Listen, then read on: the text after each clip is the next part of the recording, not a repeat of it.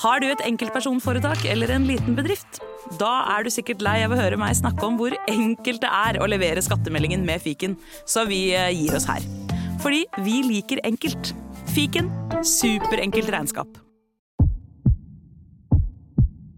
Otto og Anne tar pulsen på landet.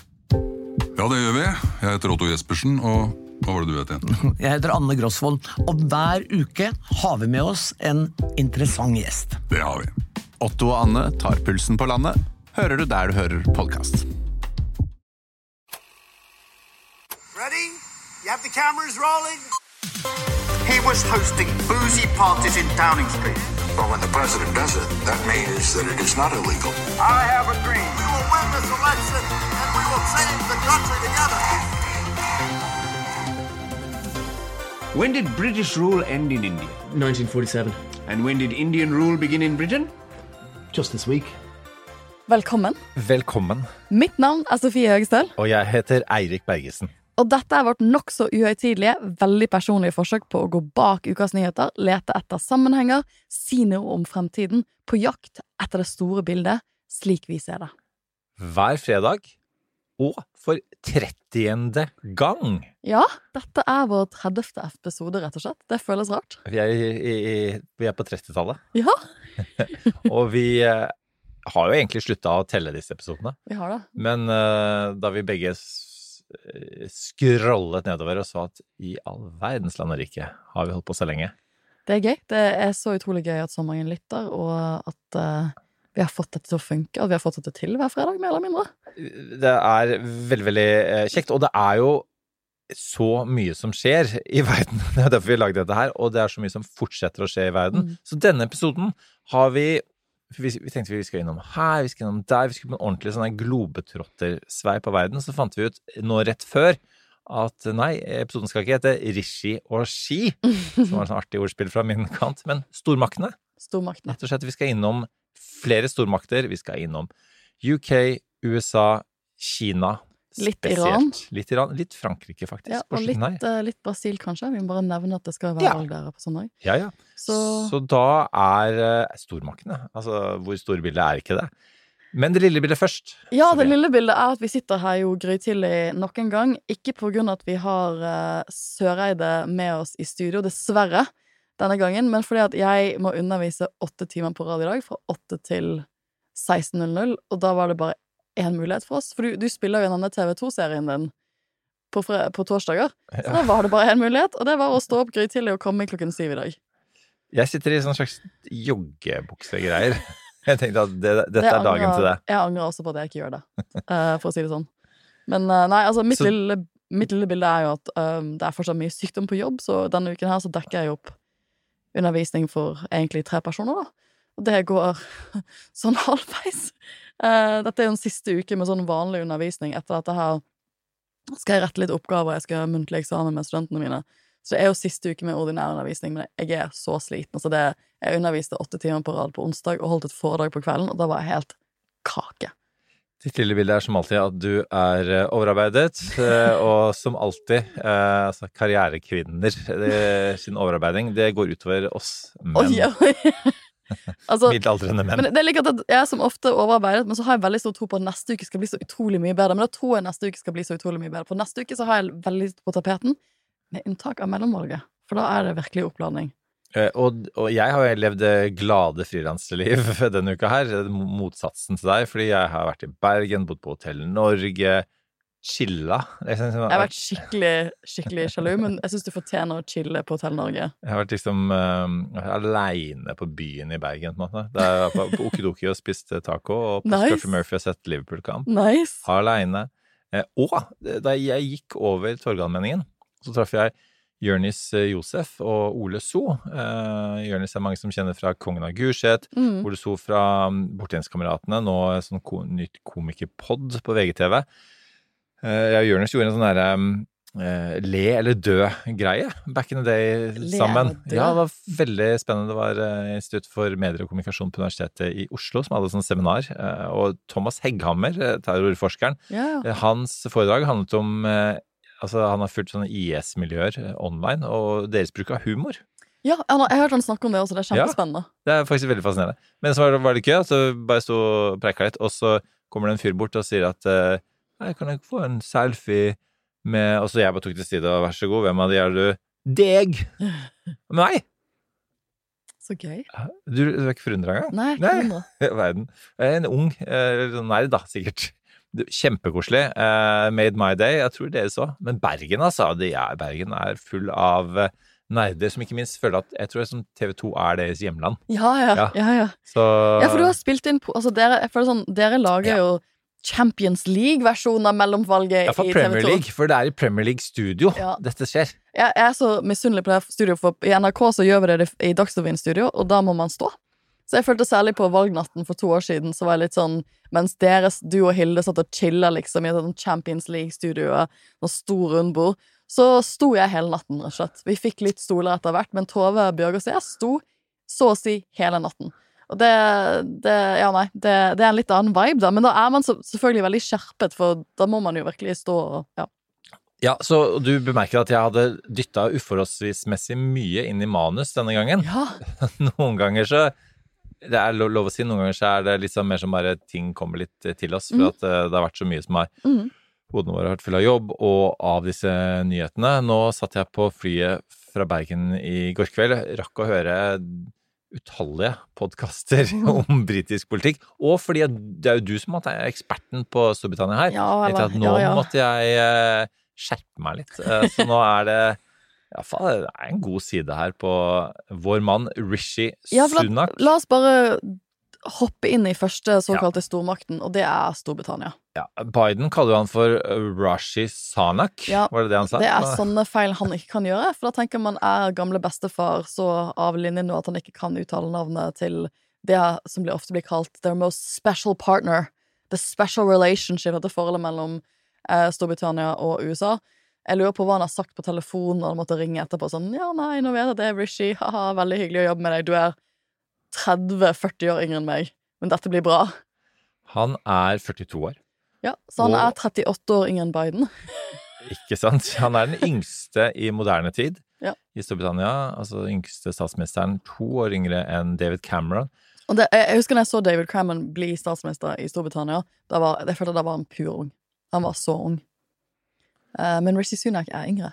Ja, og så er det på en måte er et annet, det- Nå er det på en måte ikke noen mellomting i verden lenger. Du er, enten er du griseung, som eh, disse her eh, Som finske statsministeren. finske statsministeren, for eksempel. og så Eller så er du ølgammal. Sånn nærmere 80. Xi Jinping 79. Ja. Khamenei i, i Iran er 83. Altså Ja, en, veldig ung. Og det som er gøy også med, med tall uh, og statistikk, er altså han er da den tredje statsministeren på syv uker. Mhm. Den femte på seks år. Den andre statsministeren for kong Charles. Og min fun fact of the week, Hugh Grant. Da han var statsminister i Love Actually, så Mm. satt han lengre enn Liz Truss. Altså, innspillingen varte lengre. En uke lengre enn det Liz Truss satt. Det er fun facten sin. Det er veldig fun fact. Jeg tenker jo at uh, Forrige uke så snakket vi om hva som kom til å skje over helgen. Og Da var jo min analyse at det viktigste som skjer over helgen, er jo selvfølgelig at kandidatene kommer til å stille og prøve å samle inn disse 100 parlamentsmedlemmene som de trengte for å kunne stille og bli leder. Uh, men det andre, det nest altså liksom, Det som kanskje er enda viktigere, er at partimedlemmene nok brukte veldig mye tid på å uh, snakke folk ut av stemme for, for visse kandidater. Og det var jo den dynamikken vi så i helgen. Det var at Boris Johnson flyr tilbake fra The Dominican Republic.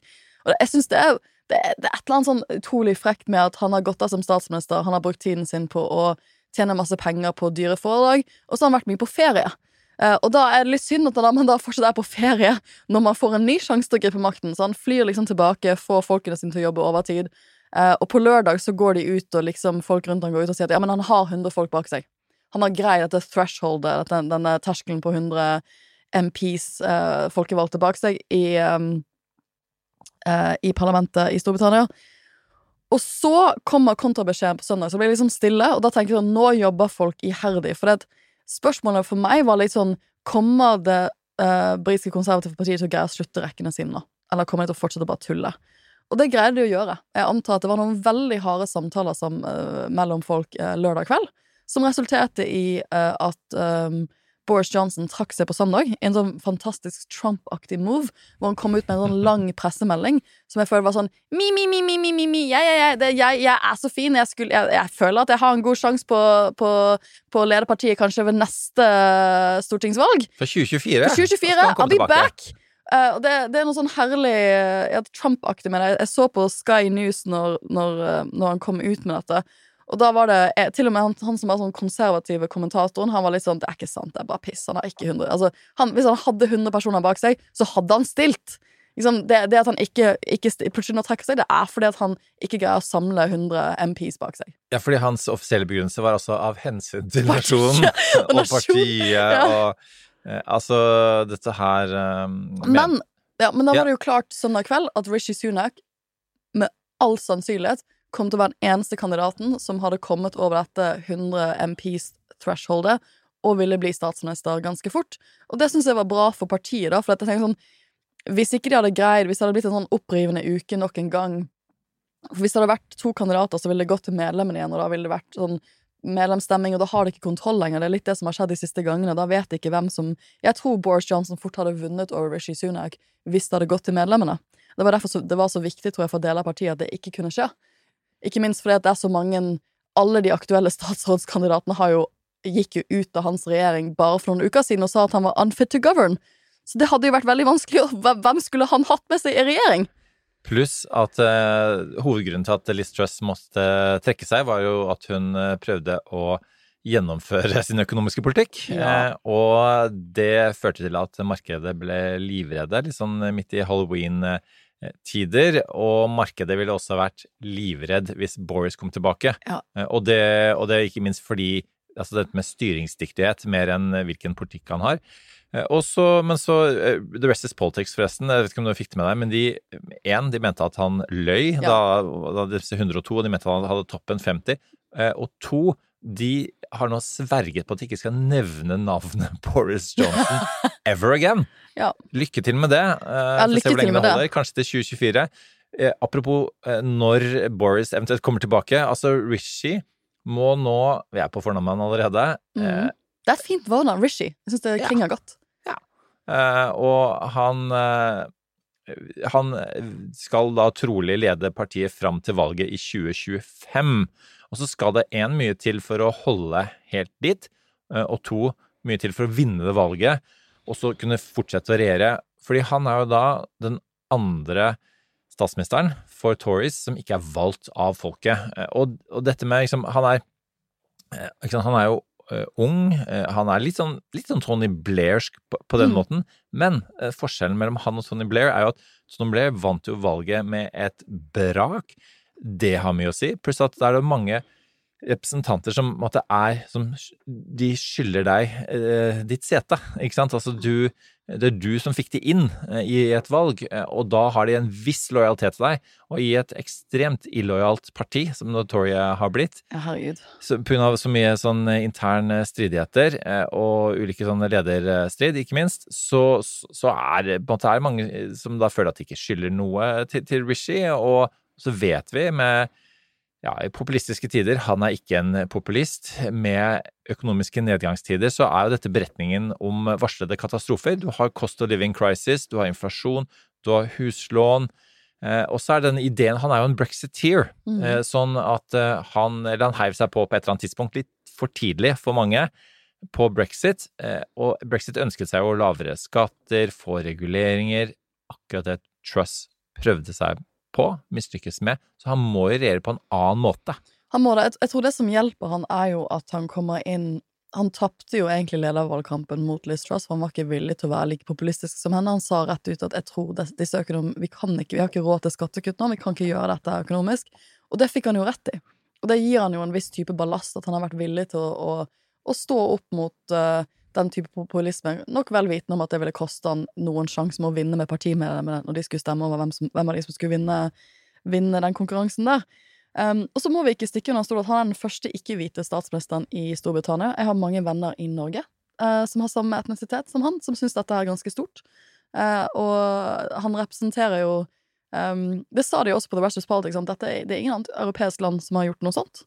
Og selvfølgelig har jo Storbritannia en mye lengre og mye mer komplisert historie, ikke minst, med med, um, med, med, med, folk som har flyttet til Storbritannia fra India, eller med indiske røtter, for han har jo vært gjennom andre, eller familien hans har jo vært gjennom andre land på vei til, til Europa. Um, så det, det, det syns jeg var veldig symboltungt, for jeg må være helt ærlig og si at jeg trodde ikke nødvendigvis man skulle få en britisk statsminister med minoritetsbakgrunn på denne måten på en stund. Det var jo ingenting som lå an til det for noen år tilbake. Så det, han ble jo satt inn Um, han ble jo satt inn som statsminister under Diwali, som er den store lysfestivalen, mm. en av de største religiøse festivalene. Um, uh, liksom, hvis, du er, uh, hvis du er hindu. Det følte jeg var veldig, veldig symboltungt, da. Det hadde vi spørsmål om på Alle mot alle, og vi svarte rett. Husker du det? Ja. Det tror jeg faktisk var du som gravde den ja, opp ja, av ditt ja, uh, hode et sted. Jeg feiret Diwali da jeg bodde, i Singapore som barn.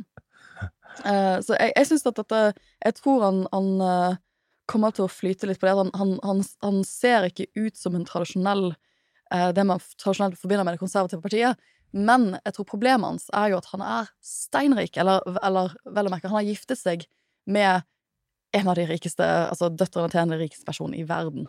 Ja, altså Svigerfaren hans er Indias Bill Gates. Ja, og da er du veldig rik. Ja, da, er du veldig rik. da er du veldig, veldig rik. Han hadde akkurat uh, Rishi hadde akkurat bygd et nytt svømmebasseng ja. til en uh, million. Ja, og det, er nok, det, er, det, blir nok vanskelig for han at han skal stå der og kutte antageligvis Han har jo sagt det allerede, det har vært hovedbudskapet hans denne uken, at jeg skal ta noen skikkelig vanskelige økonomiske valg, og det skal han gjøre i en tid hvor han selv har bygd svømmebasseng, og alle vet jo at han sliter ikke med de økonomiske problemene selv. Sånn sett så minner det meg litt om Støre, ikke sant. Og hvis du ser liksom kommentarfeltet på Støre det er sånn, jeg, jeg får masse medfølelse med Støre, for det er ikke hans feil når jeg ser de kommentarene, men når han er ute og gir sitt lignende budskap som jeg tror alle europeiske ledere gjør nå, liksom, dette blir tøft, ikke sant? vi må ta noen tøffe valg, så ser du bare hele kommentarfeltet sånn Vi må ta tøffe valg! Du må ikke ta noen valg i det hele tatt! Og det er litt liksom, det, det er nok Det, er, det kommer nok uh, Labour uh, Keir Starmer og Labour til å, å, virkelig jobbe mye med, tror jeg. Ja, og det, det er interessant, det. Fordi at uh, Støre, som jo er uh, via sin familie, da, veldig rik, skal på en måte styre på vegne av vanlige folk. Rishi, som jo er, er vel kanskje den rikeste britiske statsministeren noensinne, skal da styre for en befolkning som er fattigere, relativt sett, mm. enn noen gang. Eh, og det er, er, ganske spesielt. Ellers så tenkte jeg også bare nevne en eh, Det var også en litt sånn artig greie på dette med Ja, det som er rett er en eh, Altså det er en sånn britisk historie i et nøtteskall. Altså familien flytta fra India til Øst-Afrika og så til UK. Og det, det, det har mye å si um, for mange i, i Storbritannia. Men det var Foil Arms and Hug, som er sånn uh, irsk uh, humorgjeng, satirikere, som nylig var i Oslo. Så de hadde en sånn kommentar med at uh, UK styrte India til 1947, og India styrte UK fra 2022. Ja. Det, det Og det blir jo jeg, jeg, tenker sånn, det er kanskje Du ser jo allerede sånn de debattene bluser opp, da. Det blir interessant å se hvordan en statsminister med hans bakgrunn vil håndtere nye og mer kritiske synspunkter på kol altså kolonialtiden til Storbritannia. Um, det, det, er jo eh, Vi har jo snakket om dette før på poden. Eh, det er jo noe som kommer opp gang på gang, eller har kommet opp oftere for de siste årene, med mer kritiske perspektiver. Eh, hvordan, han, hvordan skal han lede, lede Storbritannia en sånn type tid? Men han, jeg tenker sånn, han har jo masse oppgaver foran seg i ukene som kommer. Jeg er veldig spent på å se hvordan han håndterer den tiden. Jeg tror det som hjelper han er at det blir ikke stort vær enn Liz Truss. Så du, du, du, du, kommer jo inn Altså, alt, alt er bedre enn det. Uh, han har jo hatt en fantastisk fin første uke på jobb uh, sammenlignet med henne. I det at første uken hennes på jobb, så døde jo dronningen. Um, og, og, spørsmålet er jo, som du sier, at greier han For meg virker jo deler av konservative partiet bare ekstremt illojalt og vanskelig. Altså, with friends like these, who needs enemies? Altså, jeg hadde ikke følt meg trygg i gangene der uansett. Kommer de til å være lojale overfor han? Samtidig tenker jeg at de må jo vite nå at hvis de bytter De kan ikke bytte statsminister igjen, da må de, da må de skrive ut nyvalg. Det går bare ikke. Ja, og det er kanskje hans fremste garanti, at de kan rett og slett ikke bytte han ut nå. Nei. Det bare lar seg ikke gjøre. De må slutte rekkene og gå samlet hvis de skal ha noe håp. Altså, de siste meningsmålingene er så dystre for dem. De, hadde det vært valg i dag i, i Storbritannia, så, så ser det ut som de hadde vært totalt utradert i det britiske parlamentet. Det er de veldig klar over. Og da må de jobbe samlet og godt de neste årene for å unngå nye valg, og for å kunne ha noe sjanse til å gjøre det godt i det valget når det kommer.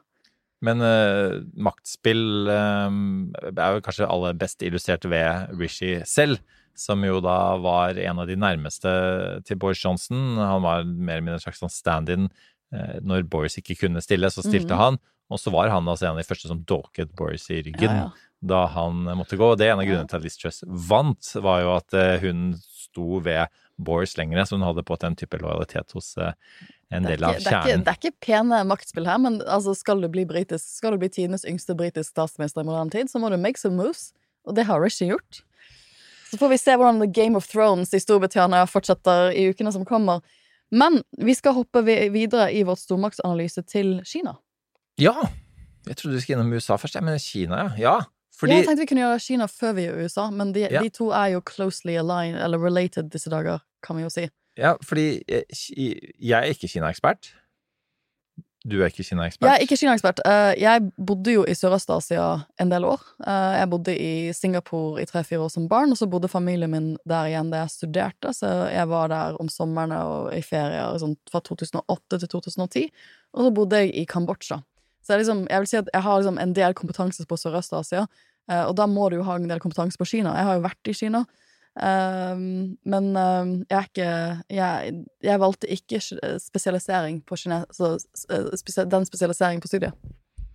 Apropos Vurderte det, men uh, ja. apropos disse her uh, gærningene på ytre venstre, Steigan og co. om dagen, som omfavner ja, Kina, Russland og alt som er.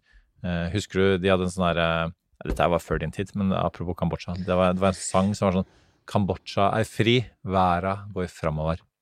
Ja. Ja, Ja. Det var da Pol Pot. eh, Ja, ja, ja, jeg, var jo, jeg, var, jeg bodde i Kambodsja for å jobbe med rettsoppgjøret etter det folkemordet. Så ja, det er vanskelig for meg å forstå.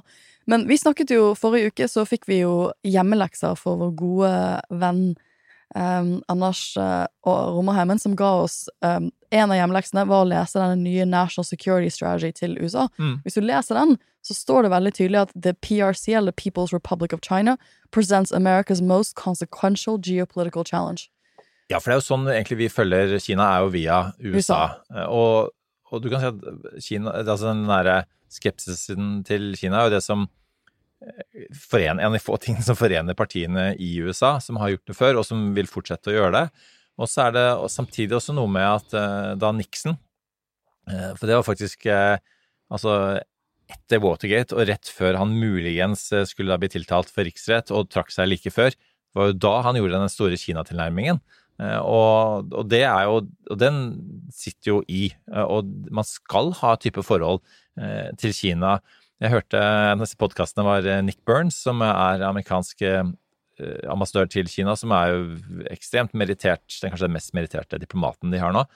Som var bare veldig tydelig på at vi, vi må eh, sameksistere med Kina. Sånn er det bare. Og vi skal konkurrere, men det skal ikke være preget av konflikt. Og så høres det veldig enkelt ut, eh, og så er det, er det jo selvfølgelig ikke så enkelt. Men det han pekte på, da, som er ganske interessant, var at det at Pelosi dro til Taiwan, det har rett og slett frosset det, relasjonen som så mye at nå snakker man ikke sammen. Man snakker ikke engang sammen om, om klima og mange sånn ulike typer temaer som man eh, virkelig burde. Nå er det jo COP eh, 27 i Egypt snart. Eh, Det, tror, dette er en av grunnene til sånn at det ikke kommer til å gå bra. Nå, nå bruker du en sånn forkortelse, Erik. Hva, hva er det du snakker om? Altså, ja, sorry. Um, det er altså eh, det store klimatoppmøtet. Mm. Som eh, er i november. Som folk har veldig få forventninger til. Det skal vi komme tilbake til. Jeg synes jeg føler at vi kan eh, love Det må, vi, det må vi komme tilbake til. Ja. Altså, er, du er jo veldig opptatt av klima, jeg er opptatt av klima. Vi har ikke fått snakket nok om, om klima som, som et tema. Det er jo Det skal vi. Det skal vi. Og det er helt, klima er jo helt avhengig av USA og Kina. Absolutt. Og, og grunnen til at vi snakker om Kina denne uken, er jo selvfølgelig fordi Ja, fordi det har vært eh, svært partikongress hvor Xi Jinping ble gjenvalgt for tredje gang. Altså det er sånn femårsperioder, dette. Og, og man trodde, mange Kina-eksperter, at han bare skulle vare i to perioder. At han var en slags sånn mellomfigur. Men det er han jo ikke. Han Nei. eh, er jo en av de som har eh, nå kommer til kanskje å ha sittet lengst og være mest prominent nærmest siden Mao.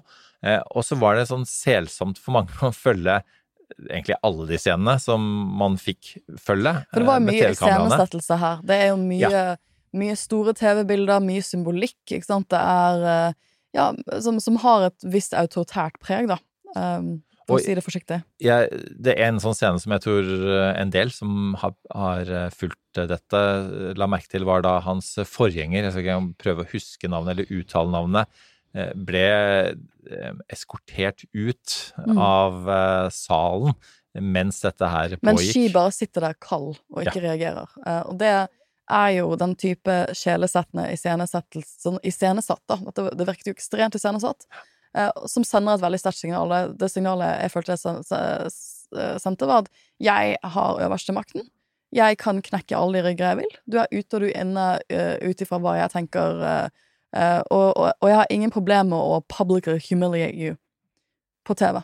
På live-TV under en sånn type, sånn type formell event. Og det er et veldig autoritært signal å sende.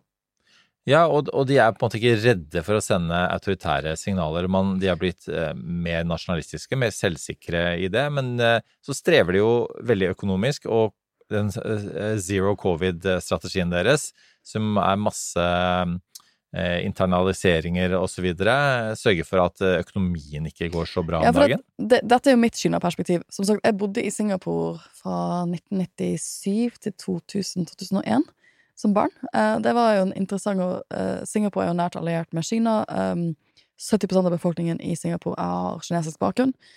Um, og jeg husker veldig godt overtakelsen av Hongkong, når Hongkong gikk tilbake til Kina. Det husker jeg veldig godt. Også, det var veldig interessant å se på det på TV fra et asiatisk perspektiv.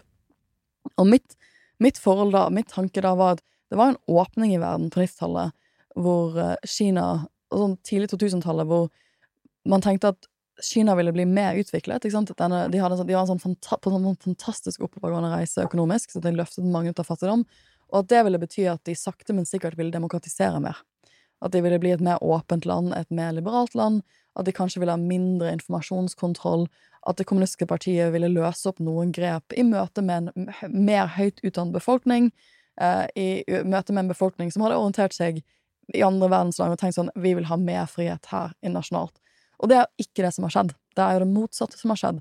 Og det syns jeg er sånn oppriktig trist, at eh, det Kina vi ser i dag, var ikke det Kina som kunne blomstret frem da jeg bodde i Asia som barn. Um, og jeg hørte jo Jeg har også binget The Rest is Politics-episoden denne uken. Og den ukens episode så har det med den tidligere presidenten i eh, Frankrike, Francis Hollande. Det er veldig morsomt å høre han snakke på engelsk, for så vidt. Det har jeg aldri gjort før. Jeg har hørt han snakke for fransk. Um, men han sier at 2012 for han, når han ser tilbake Han har skrevet en bok som er mye om geopolitikk, som dessverre så, eh, enn så lenge bare er på fransk, selv om The Rest is Politics plugget den hardt og var sånn Nå må vi få oversatt den på engelsk, for det er en god bok. For han skriver, og de sier at han skriver utrolig flytende og utrolig sofistikert om geopolitikk, altså de store politiske bildene i verden. Han sa at det han sa som jeg syntes var veldig spennende, det var at for han så var 2012, når han ser tilbake på sitt politiske liv, så var 2012 et veldig viktig år for verden, uten at vi egentlig skjønte det. Og det var fordi at det var året hvor um, Xi Jinping blir uh, general secretary of the Chinese Party, uh, og Putin kommer tilbake som president i Russland. Og det setter ned lange linjer som vi ser konsekvensene av nå. Uh, vi ser jo disse autokratene finne sammen. Og i 2012 så bodde jeg i, i USA, og da kom USA ut med et sånt dokument som deres National Intelligence Council kommer ut med um, jeg tror hvert tiende år. Og det er en sånn, de, de prøver å kikke litt inn i fremtiden og spå hva er de langsiktige globale trendene. Og da lagde de sånne globale trender for 2030 og kalte dokumentet for Alternative Worlds. Og jeg husker jeg leste det da det kom ut, og jeg har liksom kommet litt tilbake til det. For det var jo 2012, og nå har vi liksom fasit på hvor, hvor, hvor rett tok de, liksom. Hva, hva, er dette prognoser som gir noe mening nå? Og det de er veldig tydelige på innledningsvis i det dokumentet, er at når de har laget tidligere sånne prognoser, så skjønte de at Kina skulle opp og Russland skulle ned, eksempel. Men de skjønte ikke hvor fort Kina klatret oppover i systemet. Um, Og hvor kjapt uh, Russland, Russland raser, raser. ned. og, og liksom, jeg tenker sånn, vi, vi må jo forstå krigen i Ukraina litt som et symptom på den, den, den nedovergående uh, politiske bølgen Mm. til Russland, hvor de blir mindre og mindre viktige i verden. Um, og på dette tidspunktet når jeg, jeg studerte jo internasjonale relasjoner først i London, så jeg hadde jo masse sånn geopolitikk første to årene mine på studiet. Og liksom folkerett, men masse, hovedsakelig egentlig geopolitikk. Og da var jo den store debatten, og det har vært lenge sånn i 2005 innenfor miljøet, hvor kort, fort kommer Kina? Kom, er de en supermakt på lik linje med USA innen 2030? Blir det 2040? Blir det 2050? Eller har de rett og slett ikke forutsetningene for det? Altså Kommer de til å vokse, vokse, vokse, og så stagnere? Og Dette hadde jeg professorer som kranglet om massivt om på forelesning, hvor noen professorer var sånn nei, de har forurenset så mye at miljømessig så blir det vanskelig for dem. De kommer til å, de kommer til å nå en topp, og så blir det vanskelig for dem etter det. Og det, det, husker jeg tenkte på når jeg så bildene av Beijing som var så klimaforurenset at du knapt kunne gå på gata. Um, jeg hadde andre professorer som var sånn Nei, det kommer til å funke, men så kommer denne ettbarnspolitikken. Når liksom, det kommer til å føre til et såpass stort demografifall for dem. At det, det kommer til å krympe befolkningen deres når de blir voksne. Um, at kommer til, da kommer de til å slite med å få arbeidskraft. Og så var det andre som mente at nei, nei, de, de kommer til å kunne bli en supermakt innen 2030-2040. Og det var jo hovedtrenden etter dette, dokumentet som nå, Så det var jo selvfølgelig vel, Det preget jo selvfølgelig dette dokumentet som da USA skriver, eller The National Intelligence Council skriver i USA noen år siden om de skal prøve å kikke inn i fremtidskulen. Og det de tenkte ville være en megatrend, det var jo at istedenfor at man har en hegemon, makthegemon, som det har vært USA, altså en supermakt i verden, så ville man få det de kalte for mer diffused power. Og det er jo det vi ser i verden i dag. Sant? USA har svekket seg, og Kina og en del andre makter, stormakter i verden kommer opp. Det andre de, de forutså Altså, de, de så på alle disse trendene, og så lagde de noe som potential worlds. Sånn, dette kan være verdena vi lever i innen vi kommer til 2030. Og de sa sånn De sier sånn the best case outcome, the most plausible best case outcome, det jeg tenker på den beste versjonen av verden i 2030, vil være hvor Kina og USA collaborate on a range of issues leading to broader global cooperation. Det var beste scenario. Verste scenarioet ikke sant? Det, det, det de kalte for the most plausible worst case scenario, kalte de for stalled engines. Og det er the risk of interstate conflict increases, the US draws inwards and globalization stalls. Og det er der vi er i dag. Og det tenker jeg på hele tiden, men det er akkurat det, liksom, vi, vi, liksom, det, er akkurat det som skjer nå. Liksom, Kina og USA, vi er så avhengig av den verden vi lever i i dag. Vi er så avhengig av at de samarbeider godt. Det er ikke det som skjer nå. Nei, og, og det er eh, Uansett hva man eh, måtte mene om, om autokratier og diktaturer, så, så må man altså er de der, og de kommer til å være der lenge. Og man må finne en måte å samarbeide med de store. Det har økonomiske eh, implikasjoner. Og de små, eh, fordi de er gjerne litt sånn ekstra hissige, og det kan ha en del sikkerhetspolitiske implikasjoner. Ja, vi, vi har jo stått midt i den, altså EU og Norge har jo stått midt i den skvisen mellom USA og Kina ganske lenge nå. ikke sant? Hvor vi, vi husker hva som skjedde når vi ga fredsprisen til feil, feil kinesisk eh, kritiske stemme. Da var vi i fryseboksen. Ja, men nå er jo USA i fryseboksen på helt samme måte. Det er ikke Mm. måte på hvor ømme tær Kina har eh, om dagen eh, rundt disse tingene her. Og det er, det er en Det er, det er, det er en destabiliserende faktor i verden, vil jeg si.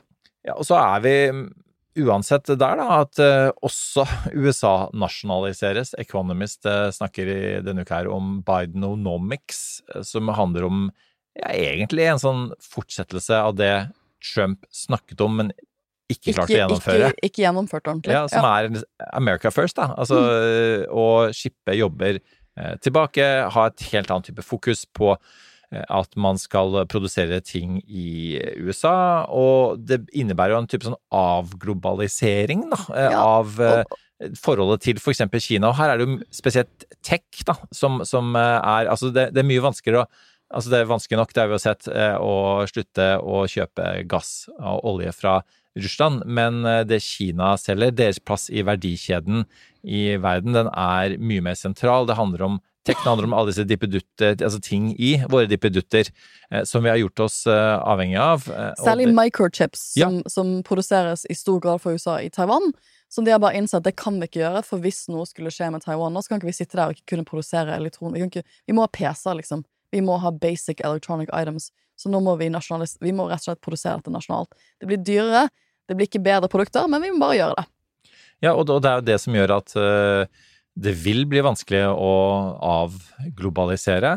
Eh, Men det er jo også den eh, lærdommen da, som, som det godt kunne stått i den rapporten, som vi kanskje ikke innså den gangen, som vi er i ferd med å innse nå, nemlig at vi har snakket om det på podden før, at du har en eh, Altså den politiske liberaliseringen man håpet å få til, med en handelsliberalisering. Ja. Jo mer man handlet, jo mer Ja. ja, åpne ble disse lukkede økonomiene. Det har jo ikke skjedd. Det har ikke skjedd, og jeg syns det er veldig interessant som sagt at, at dette er jo deres egne utenrikspolitiske eksperter som har skrevet den rapporten jeg snakker om, at de allerede da i sånn 2012 uh, skisserte ikke at the worst possible scenario frem mot 2030 var the risk of interstate conflict increasing. Det har det gjort med krigen i Ukraina, og at the US draws inward and globalization stalls. De, de så jo de, Det er jo også en direkte kritikk av eget land, uh, og det var jo I 2012 så var jo fortsatt uh, Da hadde jo Obama Da var jo Obama på vei til å bli gjenvalgt. Uh, Da så jo ting helt forskjellig ut. Men det vi ser nå, som du sier, er at det er en mye mer innoverskuende blikk fra USA. Og, så, og litt fordi at de er denne store demokratiske krisen som de ikke helt greier å bryte seg ut av. Og da er det vanskelig å være en eh, veldig tung global aktør. Biden prøver? Han prøver. Han er jo veldig, veldig, veldig aktiv i Ukraina. Men vi har jo snakket om podden før. Hva skjer hvis han taper mellomvalget nå om halvannen uke? Hva vil det gjøre? Vil, hvordan vil det påvirke hans evne til å være en like pålitelig og tung aktør for Europa når det kommer til Ukraina-krigen? En av de altså, klare konsekvensene vil nok være at det å få budsjett, det å få penger, bevilget penger, det kan han ikke gjøre alene, det må han ha Kongressen å gjøre. Det kan være vanskeligere med en replikansk kongress, for det store bildet for USA denne uken er at replikanerne gjør, har gjort et skikkelig comeback i mellomvalget. De har det, eh, og eh, de har Først klarte de å få det vi snakket om før, de klarte å få fokus på innvandring og de enorme problemene eh, som er eh, på grensen, og som vil fortsette å være på grensen, fordi bare for å ta litt gjennom hvorfor det er så store problemer der. eh, Fordi at korona har herja i Latin-Amerika og gjort at man har fått det så ille i mange land at man, ja, deres eneste løsning føles for de å komme seg til USA. Og de kommer fra andre land enn før, det er ikke bare Mexico. Og det har skapt store problemer. Og det er jo heller ikke sånn at eh, republikanerne har noe quick fix eh, på dette her. Eh, man vil eh, uansett eh, streve med å ja, å in, eh, internere eh, og behandle søknader og sende de ut. Det er såpass stort apparat som kreves at det er vanskelig å gjøre noe annet enn å det som kalles catch and release, da. Politikken som handler om at man eh, i hvert fall prøver å ha en oversikt over hvem det er, eh, og før de går inn i USA. Men eh, det er det ene. Og så er jo dette med inflasjon. Det er jo fire av fem amerikanere som sier at det er det viktigste for de Ja, i det, valget. det skjønner jeg veldig godt. Jeg tror hvis hadde- ja, hvis, hvis du hadde spurt norske, vanlige norske folk, altså hvis du hadde gjort meningsmålinger i Norge på hva, hva, hva er viktigst for deg nå, så er det de galopperende matprisene, det er høyere rente på boliglånet, det er eh, ikke minst energiprisene når vi går inn i nok en kald vinter. Så det, det, dette her preger eh, nesten alle vestlige land nå, eh, og det kommer til å sette mange regjeringer i skvis. Ja, det er høyeste inflasjonen i USA på 40 år. Ja, og hvis vi ser på prognosene nå 538 er jo fortsatt det prognosestedet jeg følger mest. Noen følger uh, Real Clear Politics, det, det er ikke noe feil med de, men jeg, jeg liker prognosene til 538. Og de har jo, hvis du, hvis du så på de prognosene for noen uker siden, så sa de at det var en sånn 66 av 100 sjanse for at uh, demokratene ville holde senatet. Nå er det 52 av 100 ganger, og 48 av 100 ganger så er det replikanerne som vinner. Og det er fordi at the Senate is a total toss-up.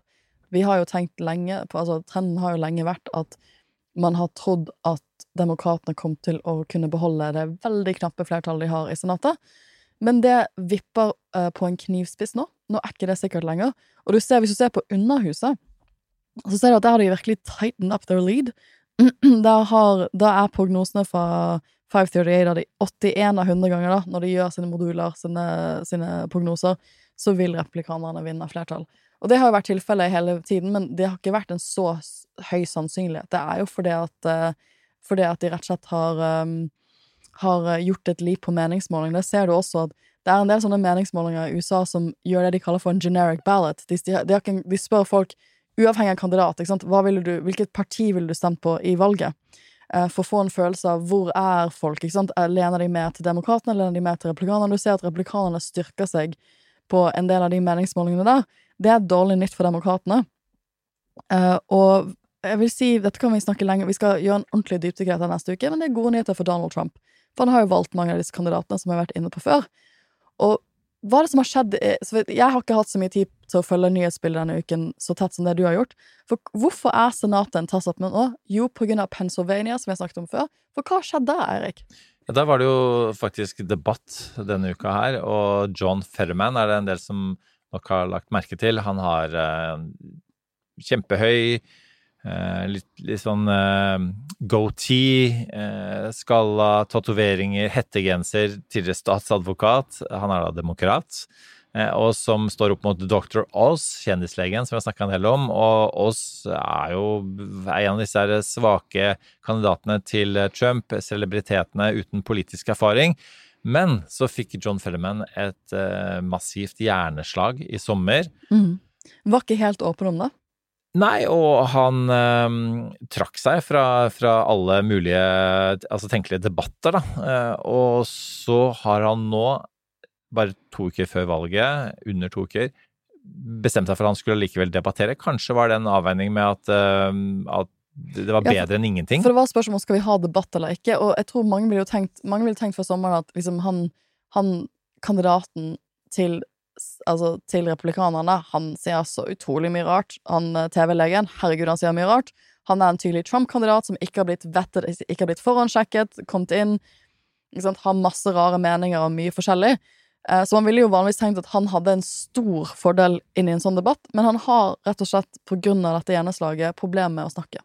Ja, og, det var eh, Det var nesten skremmende å se på. Fordi Ja. at han slet bare med å sette to setninger eh, Sammen. sammen. Ja. Så han eh, Så det er helt han, krise han var rett og slett svak, og så eh, Men så skjer det altså det i debatten at eh, Dr. Oz, som da ja, leder debatten fram til da, sier om abort, for det er jo det en del av kontroversene rundt han handler om abort, sier han at eh, eh, abort eh, må være et spørsmål mellom eh, en kvinne, legen og lokale politikere.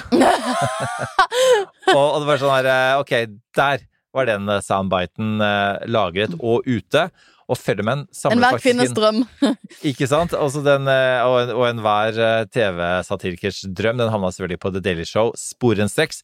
Og bare på tre timer så samla Federman inn én million dollar på den, eh, den formuleringen alene. Så Men det vi får se mange, det hvordan det der at han, ender. burde, han burde trukket seg i sommer. eh, for det, i sommer har det fortsatt vært nok Ja. tid til å få en annen kandidat. Det er for sent nå. His name is gonna be on the bad. De kan ikke få en annen kandidat nå. Um, Det speiler også litt sånn helseproblemene til, til Biden. ja, altså det handler om en sånn- en sånn det helsesvakhet. Det, det forsterker er et, ikke bra. negativt inntrykk generelt sett av liksom, det demokratiske partiet som ja, litt vaklende akkurat nå helsemessig, og det er ikke, det er ikke positivt. Og så ligger det en, en heroisk eh, greie i selvfølgelig det å reise seg fra, fra sykdom Ja. og when you get knocked down, get up again, og det er noe amerikansk over det. Men eh, også eh, Men det med abort, da, bare for å ta den før vi går videre, eh, er jo Det er jo måte det som er eh, det der som er vanskelig å måle, da. Det derre det Den sinnet X-faktoren. Ja, den X-faktoren. For det, sant? det er klart at dette er jo eh, Dette er jo menneskerettighetene til, Mm.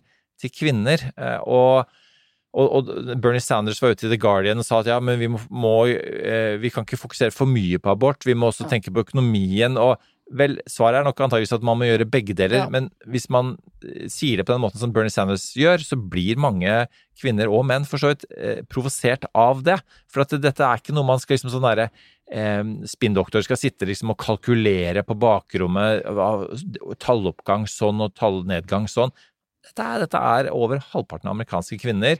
Det er så sårt for dem, og dette er muligheten til eh, å sørge for at denne saken at, man kan ha en, et håp da, om å for få en nasjonal abortlov. Og hvis republikanerne vinner begge husene, så er det nettopp det de vil prøve på. Ja. De vil prøve én, å få til en nasjonal eh, abortband, altså å nekte det, eller at de uansett vil eh, prøve å få til folkeavstemninger i alle statene eh, for å få det gjennom på den måten. Og da er altså USA et land eh, som, som er vanskelig å sammenligne seg med, apropos alle disse andre stormaktene. Ja. Og det er jo sånn at, Men, at i de statene hvor eh, abort er aller mest eh, diskutert, så gjør demokratene det best. Det viser tallene. Ja, men spørsmålet er om det er nok. Og nå er det som skjer litt sånn i klassisk for det sånn uh, stil for demokratene, er at nå er de i disarray. Dems in disarray. Nå er det sånn shit, har vi valgt feil strategi?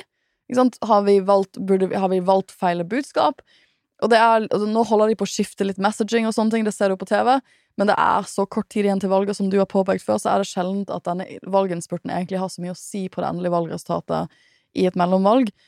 Så Vi skal ta en kjempesveip innom en eh, Ikke kjempe- sveip engang, vi skal ta dykk i USA dykk neste gang for å se. Men- hva men- er det som kommer til å skje i valget. Men statusen til lytterne våre nå, som sikkert lurer, det er at det er en liten rød bølge på gang.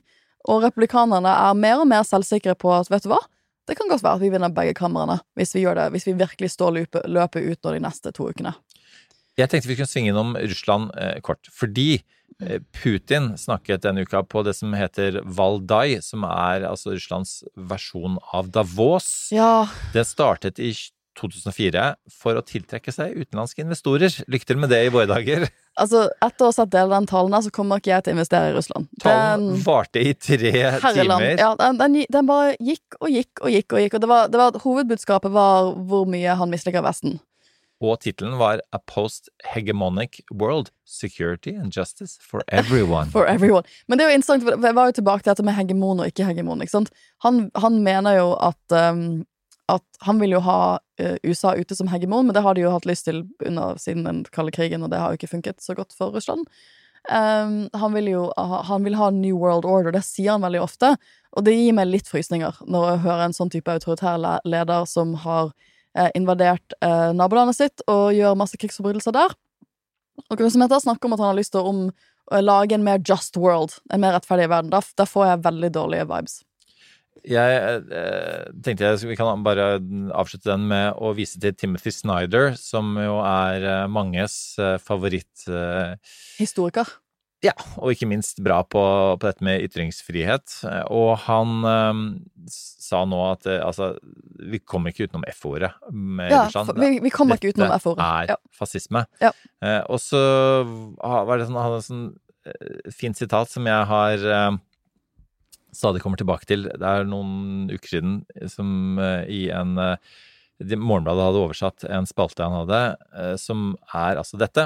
En russisk seier vil styrke fascister og tyranner, samt nihilister som anser politikk som intet mer enn et skuespill iscenesatt av oligarker Ja. for å distrahere vanlige borgere fra verdens undergang. Mm. Og fy søren, altså hvis det er det ene sitatet som sier mest om det store bildet i våre dager, Så er det det. så er det det. Det er altså. det. Og det er litt det Francis Holland var inne på i den episoden med The Versus Politics, var jo at det han syns er spesielt, er å se disse autoritære lederne samarbeide så åpent og så tydelig. For et helt annet, og målbære et helt annet verdensbilde. Du kan ikke forklare eh, det at Russland har overlevd så lenge krigen uten den støtten de får fra Kina, uten relasjonen de har til Kina. Nå er det iranske droner inne i bildet og er med på å liksom ha blitt brukt i krigførende i Ukraina. The- all these bad guys are helping each other. Det, det, og det, det er veldig Det er skummelt å se på det. Da må vi, vi, må, vi, Ja, så, vi lovet vi skulle sveipe innom Iran. Ja, Eller, ja. ja, for jeg vil bare avslutte den med å si at altså, for de da som på en måte står på siden, enten det det er, det er Steigan, eller det er eh, og co., eller, eller det er på en måte altså, egentlig både ytre, høyre og venstre, da, og, og, og eh, skravleklassefolk, som, som er, har en sånn type nihilisme som er sånn, ja, sånn eksperter som oss, da, eh, som står i ledtog med elitene, og, det, liksom, det er verdens undergang kommer, eh, og man er, altså, alt er iscenesatt av oligarker. Jeg er så drittlei av det. Tusen takk, Timothy Snyder, for det sitatet. Iran. Fordi det som er interessant med det, er at ok, altså er faktisk Har vi noe ordentlig framgang som er så beviselig at Irans presteregime faller? Ja. Og, noen eh, håper på det, eh, gitt eh, de store protestene som har vært etter at Masa Amini ble arrestert av moralpolitiet og døde etter tre dager i koma, som førte til massive protester, eh, de, kanskje de største på 43 år, eh, som har, altså hvor da er like lenge som da regimet har eh, vært. Vil det føre til at de må, altså, de må gå av? At de blir kasta? Man skulle jo håpe det. Eh, det. Jeg har ikke turt å håpe på det. Jeg føler at jeg har spurt liksom litt folk i forskerkollegene mine som kan, som kan mye om Iran. Er det sjanse for dette? De har vært ganske pessimistiske. Men nå har de jo bitt seg fast. Har, har, det, disse protestene har pågått over en viss type tid. Uh, og det virker som de, de, begynner å få en del kritisk masse noen av stedene hvor de, hvor de, uh, hvor de har hatt opptøyer nå. Og fra sånn kvinneperspektiv, da Ja, for de er jo, dette er jo ledet av, av kvinner. kvinner. Ja, det, det, er det, det er, som er så så utrolig spesielt. modig å se på. Eh, iranske kvinner som virkelig er villige til å ofre livene sine. For det er det de er ved å stå opp til regimet på denne måten her. De er lei av jeg har jo møtt en del uh, kvinnelige menneskerettsforkjempere fra Iran, og det er, um, det er Det er vanskelig ikke å bli dypt beveget av historiene deres. Tanken på at du, når du går på gata, hvis du liksom ikke er kledd eh, på riktig måte, eller som noen sier, litt for pen, eller stikker deg ut på en eller annen måte, at du er, du er rett og slett under eh, stor fare for å bli tatt til side av moralpolitiet og, og kanskje banket, eller være torturert, eller bare bli borte fra familien din en periode det, det, er vanskelig for meg å sette meg inn i hvordan det er å bo i en sånn type hverdag. Um, og det, det, er utrolig inspirerende, det motet de viser på gatene nå. Men man er jo ja, er, jeg, jeg, håper sånn at det vil, vil skje noe stort med regimet, men jeg frykter jo også at det ikke at de, at, at de har etablert en såpass jernhånd over Iran at de vil kunne reetablere den makten de har, da. Men det opprettes iallfall såkalt sånn autonome områder nå, ikke minst på en del universiteter osv., hvor eh, en del menn står og mm. har en slags sånn eh, Det var masse prat om æresvakten mm. som Rosenborg skulle ha til Molde, men dette er skikkelig æresvakt, og dette er ordentlig ære. Og det handler om at de passer på at politiet som er der, moralpoliti, ordentlig politi, ikke får komme og stoppe disse damene, som da går på skolen uten, uten, uh, uten tildekning. Ja. Um, vi, jeg må gå om fire minutter, uh, ja. men vi, vi, må bare nevne at uh, vi vet at det er valg i Brasil. Det og, kan være helt av Den skal jeg oppsummere på denne måten her. Ja. Følg med, følg med nå, dette er kort. man er veldig sånn i våre dager skal liksom, fordi vi er polariserte, skal velge mellom det ene, ene eller det andre. Ja. Eh, Lula han må jo redningen til Brasil. Han er jo mye bedre enn Bolsonaro. Ja, han er mye bedre enn Bolsonaro, men han er altså veldig eh, skadet kandidatur i den forstand at det var mye av den korrupsjonen som skjedde under han, som førte til Bolsonaro. Så la oss ikke tvinges til det. Nei, og liksom, når jeg ser tilbake på hvor Brasil var for sånn 10-15 år siden, så var jo Brasil et land man tenkte for 10-15 år siden kunne bli ganske stor makt i verden. Eh, det var jo ofte nevnt som en sånn tydelig kandidat som burde sitte i Sikkerhetsrådet hvis man skulle utvide Sikkerhetsrådet for å være mer representere mer regioner av verden enn det de gjør i dag. I dag er det just a totally, altså virkelig bare sånn total, totally failed, liksom, altså, totally failed regime. Uh, massive økonomiske problemer. Har ikke blitt den uh, Har ikke greid å gjøre noe med fattigdomsbekjempelse som de lovet. Det, det, det, det, er også veldig trist å se på. Men fra et klimaperspektiv, og det skal vi komme tilbake til, så er jo det valget her ganske viktig. For det, det, handler jo også om eksempel deforestation i Amazonas, uh, som har veldig mye å si for om vi når en del av klimamålene. Vi rekker ikke å dykke dypt inn i Amazonas denne gangen. Nei. Jeg rekker heller ikke min Gjelsvik-rant. Nei! Men la, la oss, jeg må bare høre uh, ja. rantevignetten. And I will strike down upon thee with great vengeance and furious anger. Og så skal jeg nemlig Jeg skal, jeg skal være kjempekort, og jeg skal ikke jeg, skal, jeg har ett minutt, ja. Ok, Ja. greit. Uh, jeg skal bruke min uh, tilmålte rant til å si at Jeg skal sitere uh, Eskil Sivertsen på Forsvarets forskningsinstitutt, som lagde denne rapporten, Ja. som vår kommunalminister ikke ville publisere. Uh, han uh, hadde dette sitatet i Aftenposten. Det er med en viss ironi at en statsråd tilbakeholder en offentlig og uavhengig forskningsrapport fordi han er bekymret for å gi næring til konspirasjonsteorier, når fellesnevneren i de fleste av disse er oppfatningen av at myndigheter og politikere tilbakeholder informasjon. Det var avslutningen sin på denne episoden. Min uh, avkobling denne uken Når jeg har en skikkelig stressende uke, så er det å jogge. For den eneste måten jeg, jeg greier å, å trappe ned etter en altså, Å sove og liksom koble av, og ikke minst det stresset. Og da bruker jeg, har jeg i mange år brukt The Nike Plus Running App.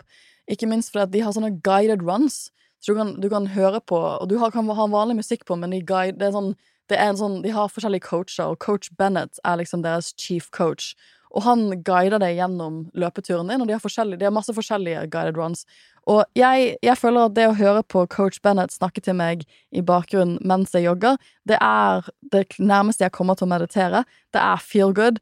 Uh, og det, jeg er ikke noe løpetalent, men har, han, han har lært meg mye om løping gjennom disse guidede, guidede um, turene som jeg virkelig kan anbefale. Det er en gratis app. Skal du ha coach Bennett eh, på øret idet du løper ut av studio her nå? Ja, nå må jeg løpe ut av You can do it, Sophie. You can combine your work and academic achievements with uh, athletic and healthy lifestyle. Da, mens, du, mens du pakker veldig nå og løper ut, Så skal jeg si og avslutter episoden. UXA. Glemte å si det sist. Den må dere selvfølgelig se. Eh, Thomas Seltzer på NRK.